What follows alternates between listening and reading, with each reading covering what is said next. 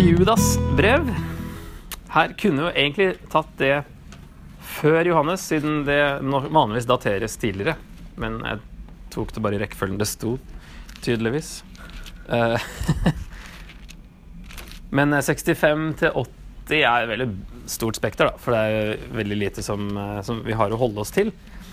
Én ting som vi har, eh, som kanskje er et, eh, et eh, hint, det er jo at det er veldig likt andre Peter 2.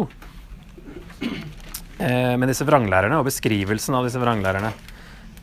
Men i andre Peter så skal de fortsatt komme. Da er det framtid.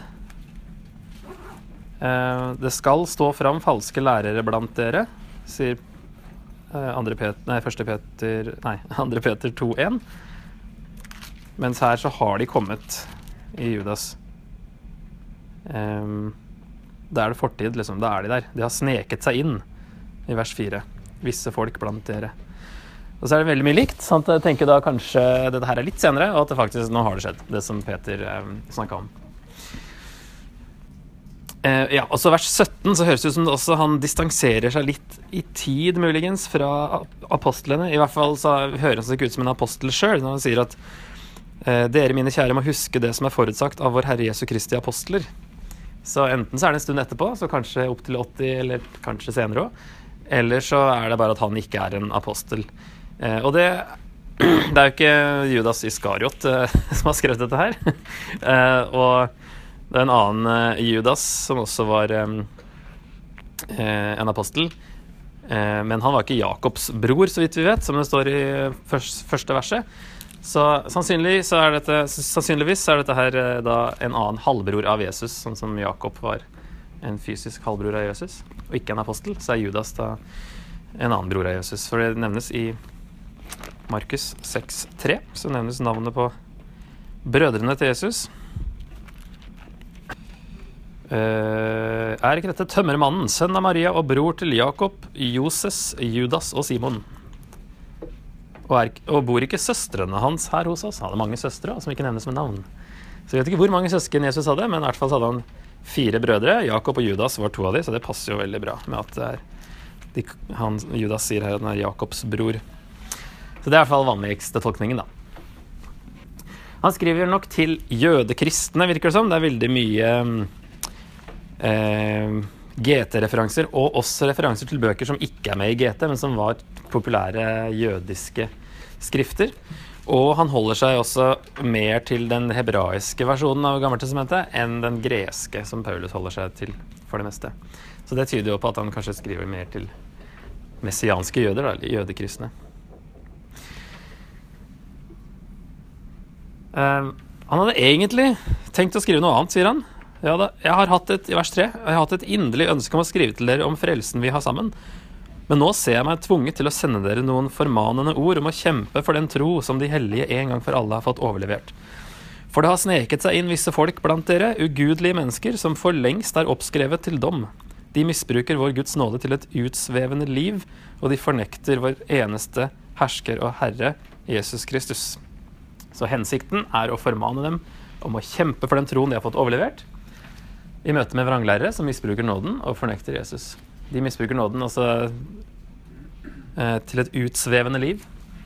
Det ligner jo på det som andre Peter også snakka om, det at de vrenger det Paulus har sagt om friheten i nåden, sannsynligvis, til å leve som de vil, og at nåden dekker overalt. All synd. Eh, han sier jo at den troen har de fått overlevert én gang for alle, så det skal ikke være noe nytt som kommer. Alt er overlevert fra apostlene. Så når det kommer noen vranglærere som kanskje påstår de har noe mer, så, så er ikke det noe å høre på. Alt har blitt overlevert.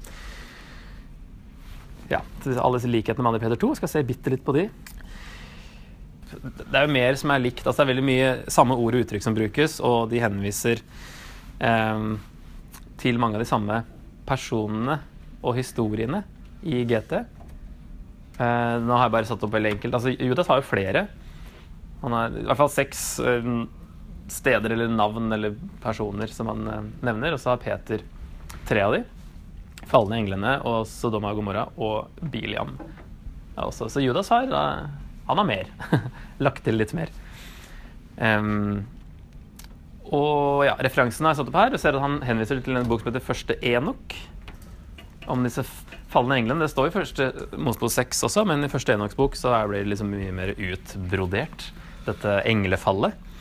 Um, men han henviser tydelig til det i et sitat i vers 14 og 15. Der er det sitat fra første Enok. Men han siterer jo, det som er spesielt med Judas, han siterer eh, Enok. Han siterer en bok som ikke er i Gammeltestamentet. Han sier jo ikke Skriften. Han sier jo bare at uh, det var også dem, om dem Enok, eller Henok, som de sier her.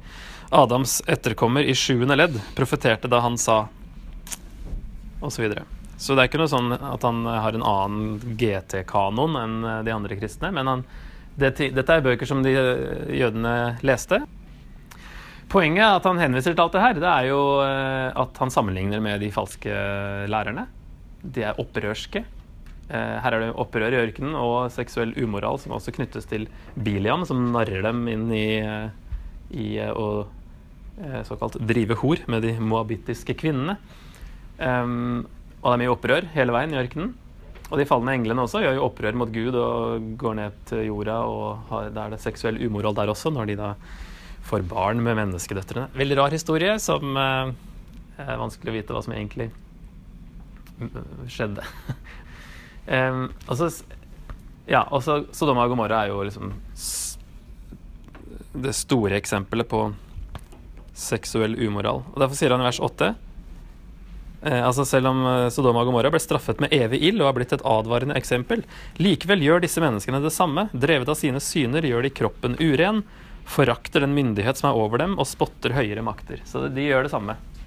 Gjør kroppen uren, og de spotter Gud og de høyere makter. Og så siterer han et annet skrift som ikke er med i Gammeltestamentet heller. Det står i fotnotene her, at det er uh, Moses' himmelfart.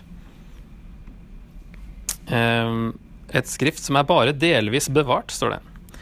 Som han siterer her, om erkeengel Mikael og Satan og Moses sin kropp og sånne ting.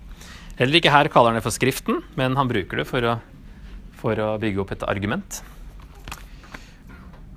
Ja, men i hvert fall, Han fokuserer nesten bare på livsstilen til disse falske lærerne. Veldig lite teologien. Sier, nevner bare så vidt i starten. Ellers er det liksom at det skal være veldig tydelig på hvordan man lever, om man er på rett kurs eller ikke.